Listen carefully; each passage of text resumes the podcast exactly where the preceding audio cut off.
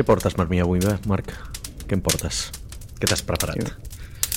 Doncs que avui que parlem de mogudes loques interesfacials i episodis d'aquests de pim-pam, pim-pam, és el dia que la tecnologia més bàsica i fonamental que és internet ens falla, eh? Parla per tu. Sí. Has quedat sense sí. internet, has quedat sense... Déu-n'hi-do. I a veure si ens aguanta, la... si ens aguanta el mòbil, eh? Demanem perdó per avançat o no? O, o, no, o no cal destapar aquesta carta? No cal destrapar aquesta carta, tio, ja ho veurem. Bé, comences tu? Què m'has portat aquest cop? Què tens? Porto una que la portava per la setmana passada però me la vaig guardar perquè sabia que seria més timely i disculpa pel barbarisme, però no sé com es diu. Potser és la paraula és adequat, però adequat a dia d'avui. I és... Tu sabies que SpaceX la seva proposta de valor o, o el seu fonament de, de, de creixement sempre s'ha basat en el fet de que és capaç de produir o tenia la visió de produir coets reutilitzables cosa que té tot el sentit del món. Eh, mira, una de les coses que Elon Musk m'agrada que fa és que aplica el sentit comú a moltes coses, no? I, i se'n va molt a primers principis per explicar fenòmens molt complexos i ho explica de forma molt senzilla. Això em sembla... Sincerament, mira, escolta, pobret, tant que el, que el criminalitzem i el i li donem cops per tot arreu, això crec que ho fa prou bé. I a més, SpaceX, la, la seva proposta de valor era molt senzilla. Era dir, hosti, tio, teniu aquí mm, els dispositius més cars de la història i més costosos a nivell governamental inclús, no? per, per, per les partides mm, que s'estan destinant a això, eh, i només el feu servir una vegada. O sigui, doncs, pues, vaya gràcia. Quan al final eh, una de les claus de, de, de baixar costos a les coses, quina és? És que si tu ho utilitzes moltes vegades, diguem que estàs amortitzant, eh, sé que no és la paraula correcta, però no sé si crec que la gent ho entén així, eh, o estàs deferint aquell pagament en més, en més ocasions. Per tant, és més rentable, sí? Doncs SpaceX, que és com, nen, eh, el nou mas de la tecnologia, eh, el portaavions, que no un portaavions, però m'agrada pensar el concepte de portaavions quan algú és, està com a l'estat de l'art de, de llançament de coets. Tio, s'ha quedat enrere ja. Perquè aquesta setmana estàs al tanto o no? No, no estic al tanto. O sigui, m'està agafant per sorpresa. És, eh, és bo, és bo de moment. Ostres, Segueix. interessant. Doncs aquesta setmana, Àlex... Ja ha sortit un competidor o què? Ui, no només un, però aquest és especial eh, i no és aquesta setmana perquè en realitat és la setmana en la que estem gravant però no serà la setmana en què eh, això vegi la llum. Però la setmana en la que estem gravant Relativity Space, coneixes la companyia? No, no la conec, no la conec. Em sona que ha sortit algun competidor de SpaceX, eh? però però no conec vale. aquesta en doncs, concret. Relativity Space el que fa és que porta el concepte de coet reutilitzable un punt més enllà i el que fa és que no només són reutilitzables o tenen aquesta visió, sinó que tenen la visió de fabricar-lo enterament de dalt a baix amb un procés de fabricació additiva de 3D. T'hi cagues, eh? T'hi cagues. Ja hi som. Val. I, I aquesta setmana han fet el seu primer llançament amb èxit i han posat el seu primer coet en òrbita. Impressionant. Amb un coet, no 100%, que ara no estan allà, però pràcticament construït amb, amb impressió 3D. Cosa que no em sembla acollonant. O sigui, em sembla següent nivell. I, I amb això, què et volia dir? Volia dir diverses coses. Primer, aquest tema em va fer pensar molt no sé si recordes uns episodis enrere que vam estar parlant de tendències que van i venen i que ens n'oblidem una mica en el context de...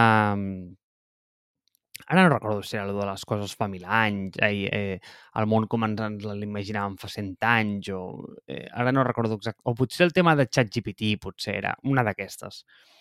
És que n'hem gravat tants ja que ja ni me'n recordo ja. I una de les coses que tothom es posava les mans al cap quan va sortir tot el tema de la impressió 3D, no sé si recordes, era el fet de dir, ostres, nen, la gent començarà a imprimir pistoles amb 3D i les passaran pels arcs Sí. dels aeroports i Sí, sí, hi haurà... sí. Bueno, o sigui, Està passant cada dia, això. Està passant cada dia, saps? Si no ho fas, ets tonto. clar, i, i, i va haver-hi com un hype amb el tema del, de la impressió 3D i ara et preguntes, tio, on està la impressió 3D? Saps? Vull dir, està allà, s'ha consolidat, però moltes vegades com ens explota el cap, però després les coses interessants passen un cop ha madurat i un cop ningú en parla.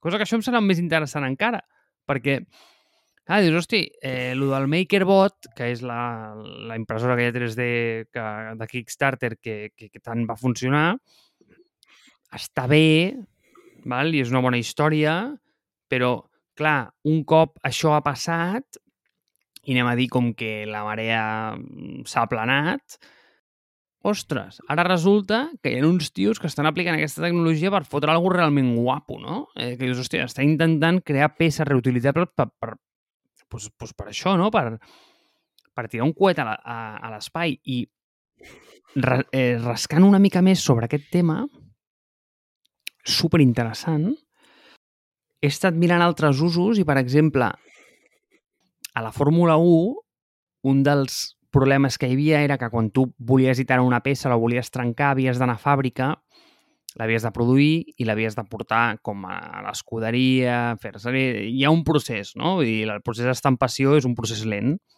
En canvi, tu s'està tirant moltíssim d'imprimir 3D peces i portar-les directe al prototip per provar-les, tastar-les i, en cas de, fabricar-les amb la resina de carbono. Dius, hòstia, és acollonant, però és que al final estàs portant, i em fa molta gràcia, perquè estàs portant la disciplina del software o les bones pràctiques del software, les millors pràctiques del software, les estàs portant al món real. I aquesta tendència, amb moltes coses, i et podria posar més exemples, eh? però em sembla impressionant. Impressionant. Però clar, o sigui, una cosa és fer una pistola, una cosa és fer una ala d'un cotxe, és a dir, quan dic una ala vull dir un aleron, eh? eh o un puntó d'un cotxe, una peça d'un cotxe molt concreta, diu, l'altre és fer un puto coet, saps? O sigui, és que és molt boig. És a dir, mm, jo no sé si tu aniries molt tranquil pujant a dintre d'un coet imprimit en 3D. Eh, jo Hmm. deixaria que tu primer pugessis i em diguessis què tal. Sí, però això és el mateix quan parles amb la gent... Eh, quan a la gent li explota molt el cap quan els dius que els avions amb els quals estan volant generalment fan tot el vol sols, saps? Vull dir que, que els pilots agafen part del que és l'enlairar-se i el- i el- l'aterratge perquè els agrada, però l'avió podria per, perfectament tot sol, saps? I diuen, no, no, no, no pot ser, això no està passant avui en dia. Això està passant avui en dia, saps? Els avions van putament sols. Però si tu li dius això a gent, li entra en pànic, saps? Entra, entra en pànic. Crec que és una cosa similar. Uh, passa, i a mi em passarà d'aquí poc, eh? Um, ja hi ha Ubers sense conductors a San Francisco, val? Eh, i jo ara, o sigui, literalment, d'aquí quatre dies me'n vaig a San Francisco. És que tinc ganes d'agafar-ne un, val?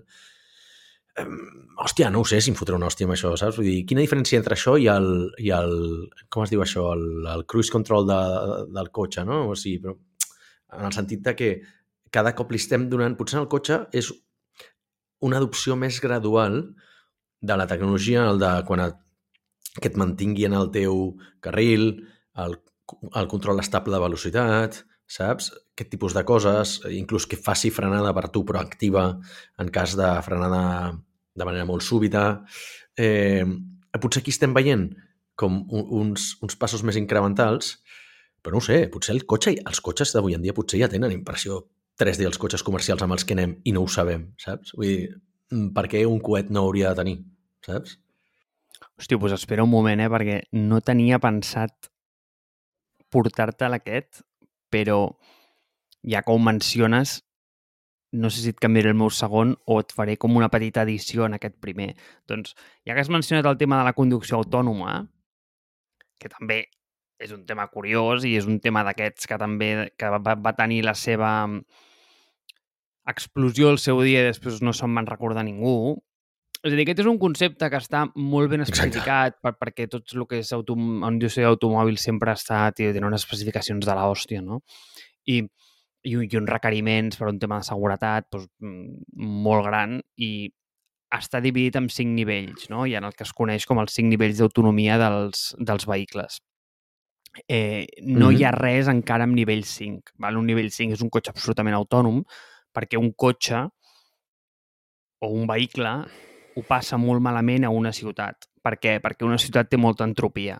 No? I és a dir, molta entropia en mm -hmm. el sentit de que et ve un tio amb un patinet, un tio amb una bicicleta, ara passa un peató, ara cau una fulla, ara creua un gos, complicat, no? Vull dir, és... Un... Sí, sí, per sí. un cotxe es fa difícil, val? entendre tot aquest merder. Bueno, per un cotxe o per una màquina autònoma, eh, em refereixo. Vull dir, és molt complicat automatitzar. Bueno, es fa difícil per la gent. Clar, fa difícil per la clar. gent també, saps? Vull dir, potser estem més acostumats, però es fa difícil. Jo avui he estat a punt de veure dos o tres atropellaments, saps? Vull dir, de penya que va com imbècils doncs mirant el, el telèfon creuant el, el semàfor sense mirar, saps? Vull dir, o bueno, o cotxes que han canviat de carril, saps? Amb el taxi que gairebé ens estampem perquè, perquè, bueno, doncs perquè ha anat a canviar de carril molt de cop i venia un taxi follat pel carril taxi, vull dir, quasi se'ns menja, però bueno. Déu meu, Àlex. Els hi passa a les persones també, però és sensacionalista donar-li la culpa a la tecnologia, perquè així és com un, oh, oh, oh, ojo, eh, un Tesla ha matat a una persona. Dius, en aquella mateixa ciutat, eh, 10 conductors humans han matat a persones avui, saps? Vull dir, però clar, ven, ven més diaris.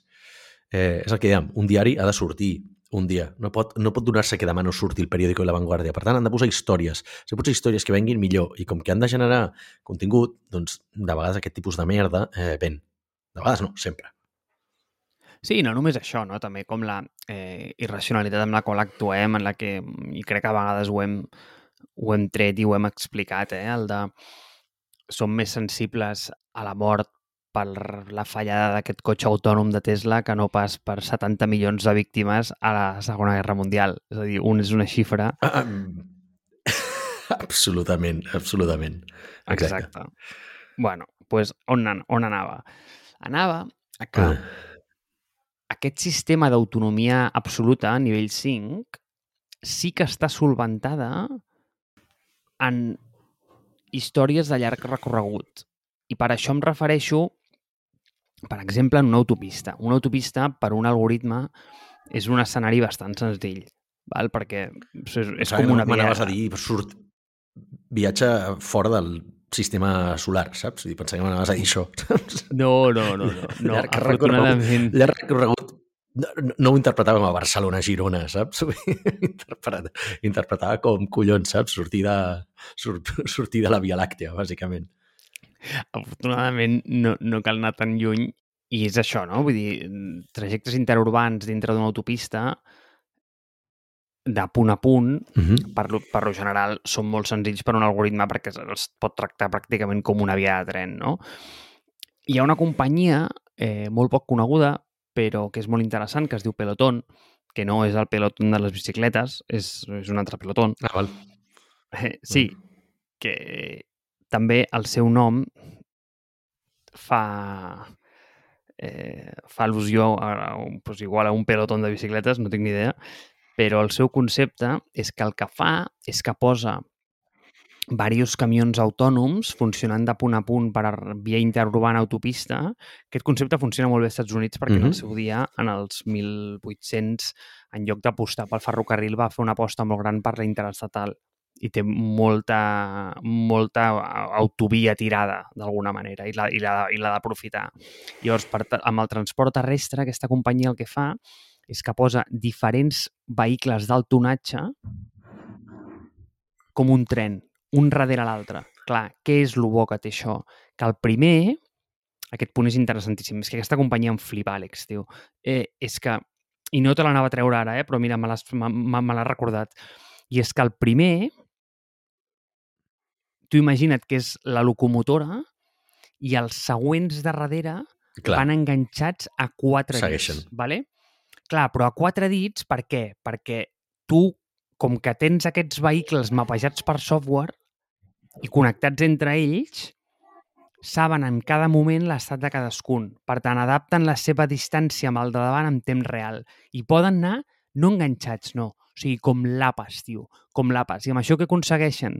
Aconsegueixen que el factor que més penalitza a un vehicle d'aquest tipus a l'hora de generar consum és el rossament amb l'aire.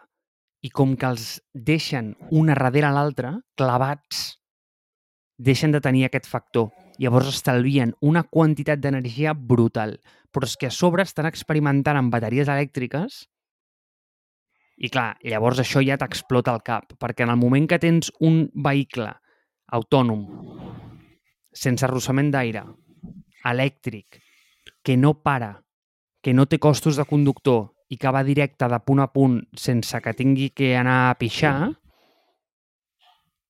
tio, et revoluciona el sector del, del transport. I això és una cosa que és molt interessant perquè no és allò de, hosti, coses loques que ja vindran, no? No, no, no, és que això ja existeix.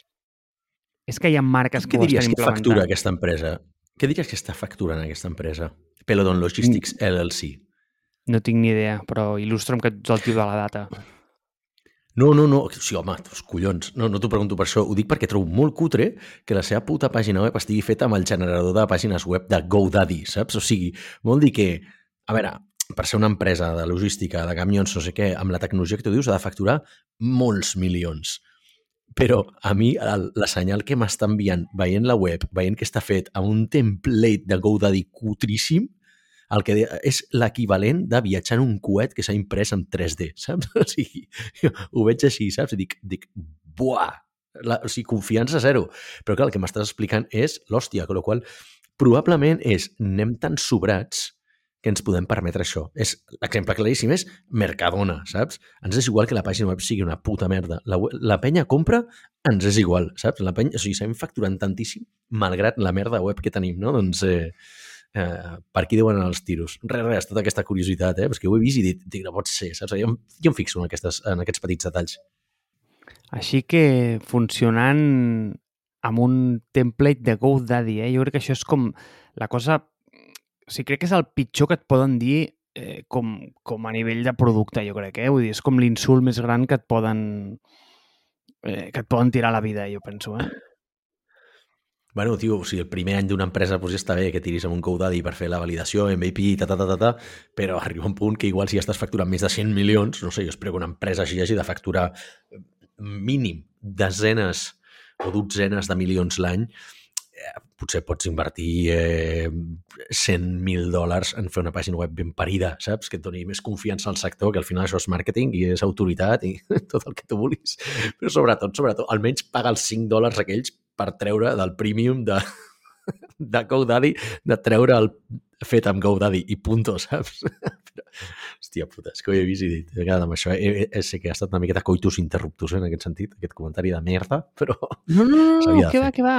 Però tot el contrari, Àlex, és que, eh, o sigui, és que no ho portava preparat, és que aquesta companyia la vaig descobrir fot potser com d'un- tres o quatre anys. És que igual aquests tios ja n'existeixen, eh? És que igual m'he tirat a la piscina d'una forma collonant. bueno, de fet el Aquí en 2020... Ah, bueno, dir, la web no s'actualitza des del 2020, vull dir, o sigui, estan morts, o estan morts o estan en estat zombi, saps? Del pal, no ens importa una merda la web, clarament els importa una merda la web, potser els hi deu anar bé, eh? però suden de la web perquè tenen altres, altres temes. Però, mare meva, tio, sigui, és que m'ha semblat molt, molt flipant. Home, es va fundar el 2009, saps? Hòstia, déu nhi eh?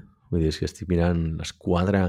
És la típica pàgina web, però d'ultramerda, o sigui, que té una home, val? amb quatre informacions, té una pautes on hi ha una foto d'un camió explicant una miqueta l'empresa d'on surt, formulari de contacte al pal, aquí et passem fer un pressupost i contacta una, el mateix puto formulari de contacte. O sigui, és com la web més senzilla de la història. Potser és el típic clar cas de no necessitem pàgina web, la tenim per... Bueno, perquè no, no ens impersonin, saps? Però, hòstia puta, m'està fent molta vergonya, mira aquesta web, eh? Àlex, puc donar una opinió en temps real? Vinga.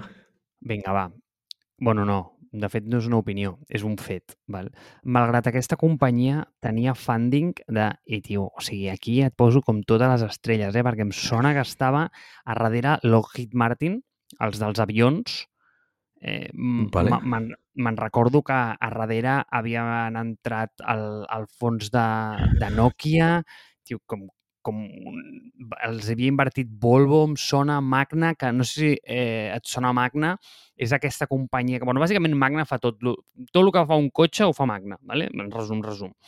Eh, llavors, eh, malgrat tenia pues, això, no? pues, un un funding de no entendre res, el 2021 va deixar d'operar. Així que, nois, em sap greu, Hòstia. però eh, he posat un- una anada d'olla que no podeu provar així perquè el 2021 van xapar i potser aquest és el motiu pel qual van dir anem a deixar com el, el burn rate una mica low val? i anem a deixar el, el sí. template de GoDaddy en allà. Val, val, val. Home, el 2021 també va ser l'any, si no recordo malament, en què Uber va llançar el... No sé si era pilot o prototip, no?, de camions auto, autodirigits a Alemanya. Van fer les proves. Uber Freight va llançar a Alemanya. Eh, aleshores, potser, coincidència, eh? Ah, potser van veure que no podien competir amb, amb Uber o amb altres grans competidors d'aquest sector i ja està. Però Per això tant, ho sabràs més tu que jo. Vam fer el salt tecnològic més gran del món enrere, que és anar des de tecnologia de vehicles autònoms fins a una pàgina web estàtica feta amb GoDaddy. Així que mm, així ho tenim. Vinga. Eh, et porto dues coses, tio. Eh, et porto dues històries de persones. Tria tu quina, per quina vols que comenci. Eh, la, una persona que segurament coneixem els dos i una persona que tu no coneixes i jo he conegut eh, aquesta setmana. No conèixer que hem quedat personalment, però sona el nom, saps? Saps qui és, si et dic el nom. Per quina vols Vinga. començar? La coneguda o la no coneguda? Va, pel conegut. Val, perfecte, perquè és igual, encara que triat l'altre, jo hauria començat pel conegut, perquè em sé la història millor i, i ja està. Vale, suposo que saps, eh, tu saps qui és Peter Levels, no? O sigui, eh, Peter Levels, el, el fundador de Nomadlist, entre altres coses. Eh, per què el porto? És perquè crec que no suficient gent el, eh, el coneix, el coneix gent molt apassionada del desenvolupament, del construir coses en públic, no? Aquest moviment del building in public que s'està fent, que és explicar tot el que fas a la teva empresa amb els números, total transparència, a comptes amb obert, etc etc i, i explicant-ho absolutament tot. I és un tio que està facturant més de 3 milions l'any ell sol. Val? Llavors, porto una miqueta de dades perquè eh, hi ha molta mitologia al voltant d'aquesta persona, hi ha molta idealització del el solo founder, típica persona que diu, bueno, va, vaig a fer un projecte, a veure si em funciona i puc viure doncs, amb, amb pasta recurrent, amb el meu projecte, no sé què. Vale, anem a, anem a analitzar com, com ho ha fet aquest tio, perquè és que realment no és... És el que diuen, no? L'èxit, uh, aquests, el- l'overnight success, o sigui, l'èxit de la nit al dia, va portar 15 anys en complir-se. Llavors m'ha agradat, tot i que jo vaig ser molt, molt, molt, molt early adopter de Nomadlist i d'algun dels seus projectes, el de Go Fucking Do It i coses aquestes, que és com la vaig conèixer, eh, m'ha agradat llegir la seva història i contextualitzar-ho. Vale? Aleshores, eh, explico ràpidament la història d'aquesta persona perquè eh, crec, que és, crec que és molt interessant. Val?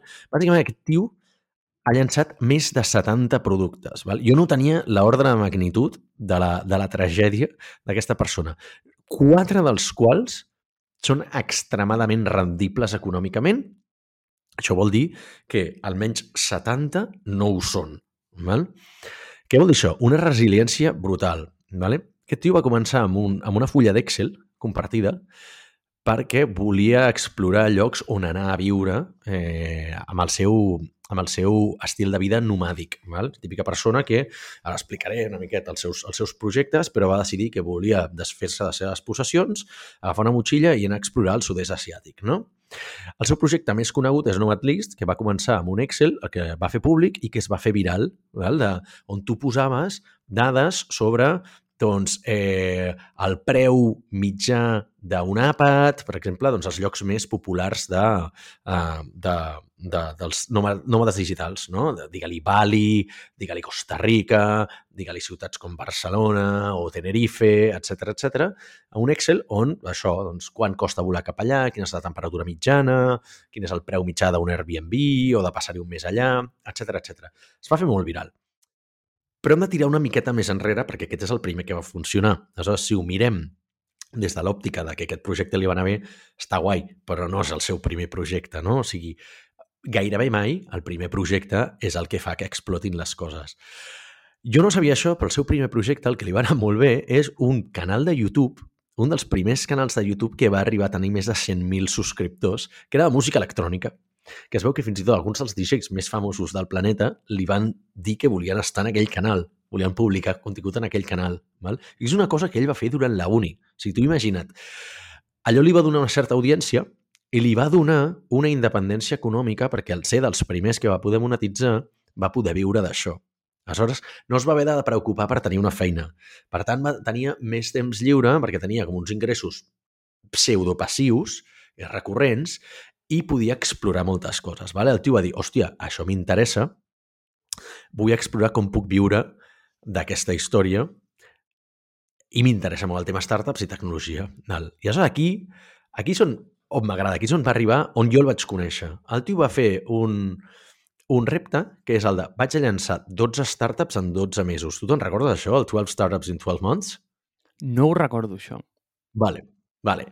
El tio literalment va dir, jo cada mes llançaré una, una empresa, una de les quals, vale? ah, per qui, per qui li interessi el canal de YouTube, es deia Panda Drum and Bass Mix Show. Vale? O sigui, la penya que escolta drum and bass, eh, no sé ni el que és, però entenc que és un subestil de subgènere de música electrònica, eh, doncs es veu que és un canal que era molt conegut i ho petava molt fort. Vale? I aleshores el tio va dir, doncs, bueno, doncs en comptes de... Eh, bueno, una de les coses que, que va fer el, el clic a portar aquest estil de vida nomàdic i voler invertir en projectes seus és que no li volia donar pasta a Google. Val? Va dir, vaig a provar de monetitzar altra... Uh, o sigui, vaig a provar de fer màrqueting pensant fora de caixa. De fet, una de les coses que va fer quan li va anar bé amb, amb Nomad Leads és comprar el típic anunci, el billboard, aquell enorme, a una de les uh, autopistes de, de Silicon Valley, val? a fora, justament a la porta d'Apple, dient, ei, no necessites tornar a l'oficina, busca't una feina en remot, eh, Nomadlist o remoteok.com, vale? amb un dels projectes que tenia. I clar, allò li va donar, es va fer tan viral que li va donar molt més retorn que haver invertit la mateixa quantitat de pasta en Google Ads. Val? És aquest tipus de geni. Persona que no li importa perdre molta pasta, eh, però per, perquè generalment per ser els, dels primers que fan les coses li solen anar bé. Val? Aleshores, va llançar projectes com Play My Inbox, va llançar, que era, em sembla que era per música que et passaven al correu, que tu la tenies a, a Gmail, que la podies fer servir per, com, a, com a Google Drive, com a prototip de Google Drive, música que tu tenies pujada a Gmail, la podies, eh, la podies reproduir amb, amb, aquesta, amb aquesta aplicació. Go fucking do it, aquesta és la, la que jo vaig provar en el seu moment, que era, feies un repte a una persona i tu li deies, ei, Marc, per exemple, jo no he fumat mai, eh, però si no deixo de fumar en 4 mesos, et pago 100 dòlars. Val? Llavors, i si no, o sigui, si hi havia aquí com una, una mena de transacció, el tio va fer pasta amb això. O sigui, em sembla que el tio va dir que va facturar el primer any 70.000 pavos d'això i no és dels projectes que li, que li han sortit millor, eh? És un projecte que va viure relativament poc, no?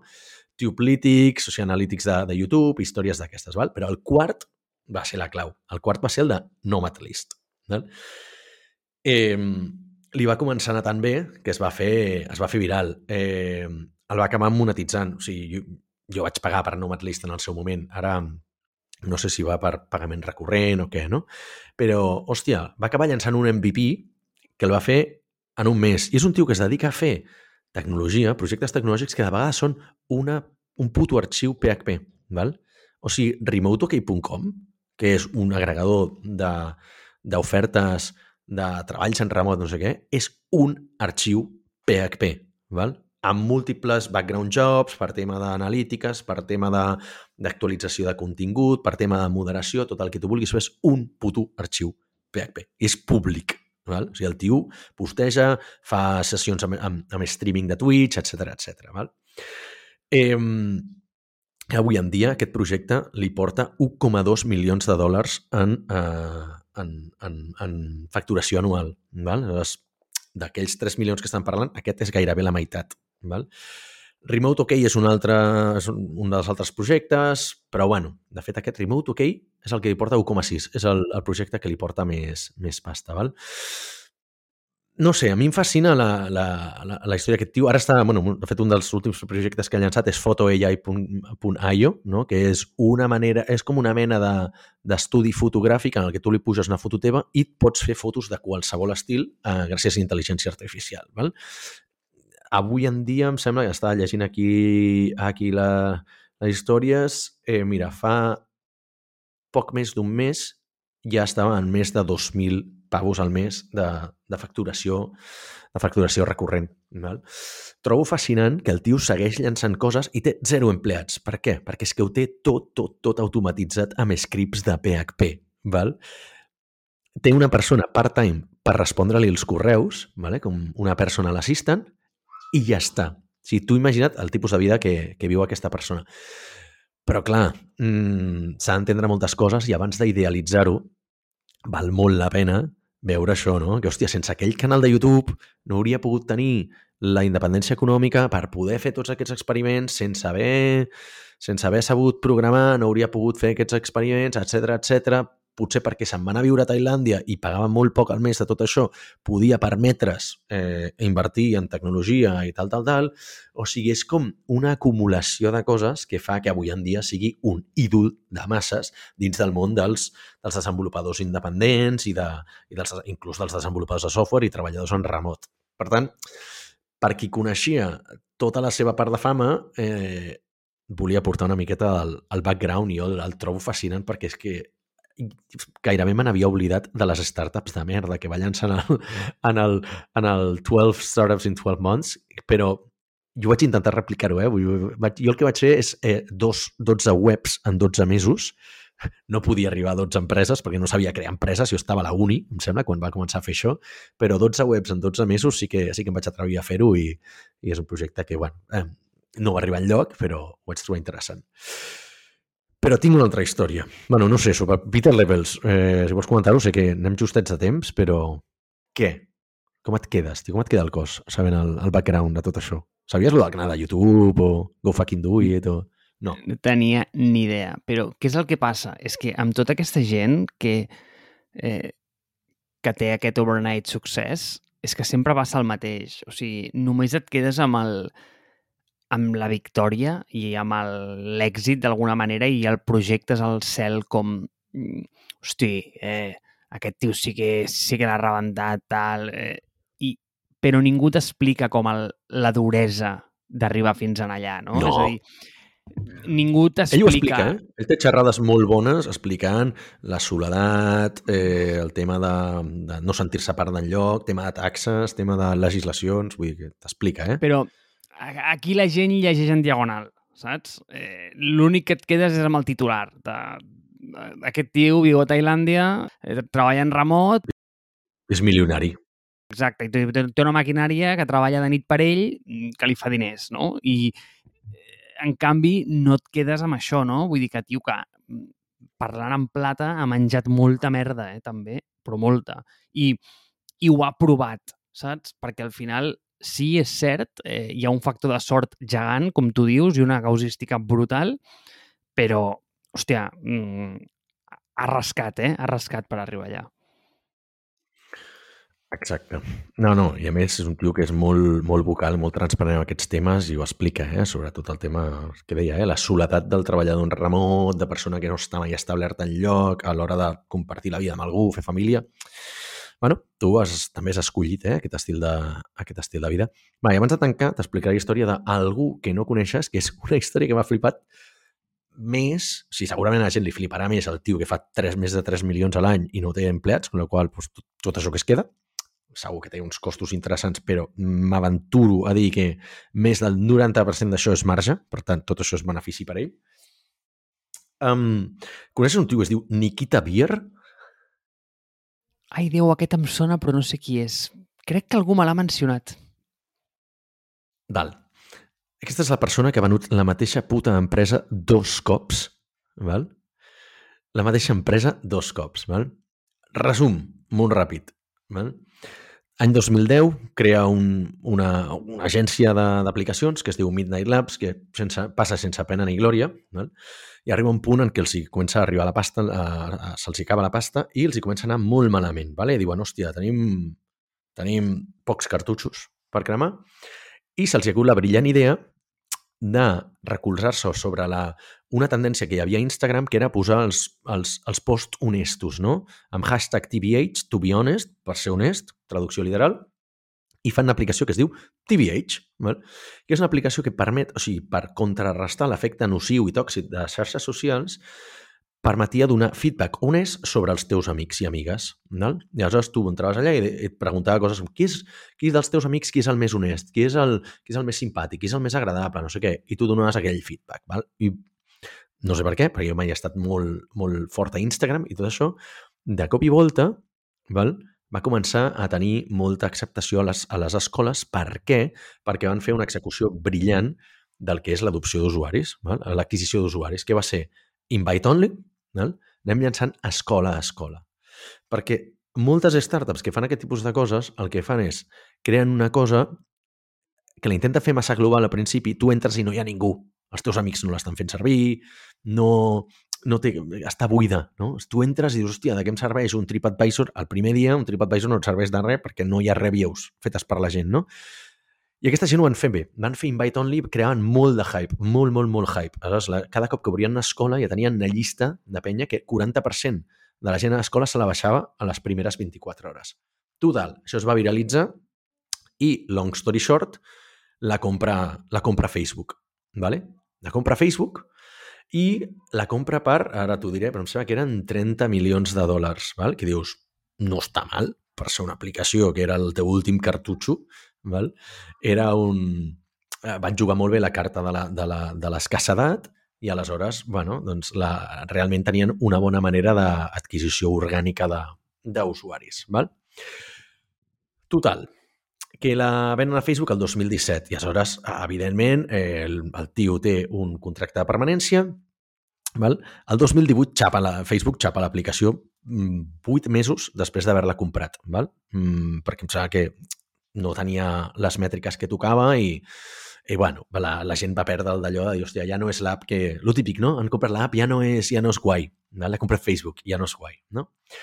Total, que el tio va esperar a que se li acabés la permanència en Facebook Val? I el tio va dir, doncs vaig a llançar una altra app, vale? que es dirà, serà exactament la mateixa app.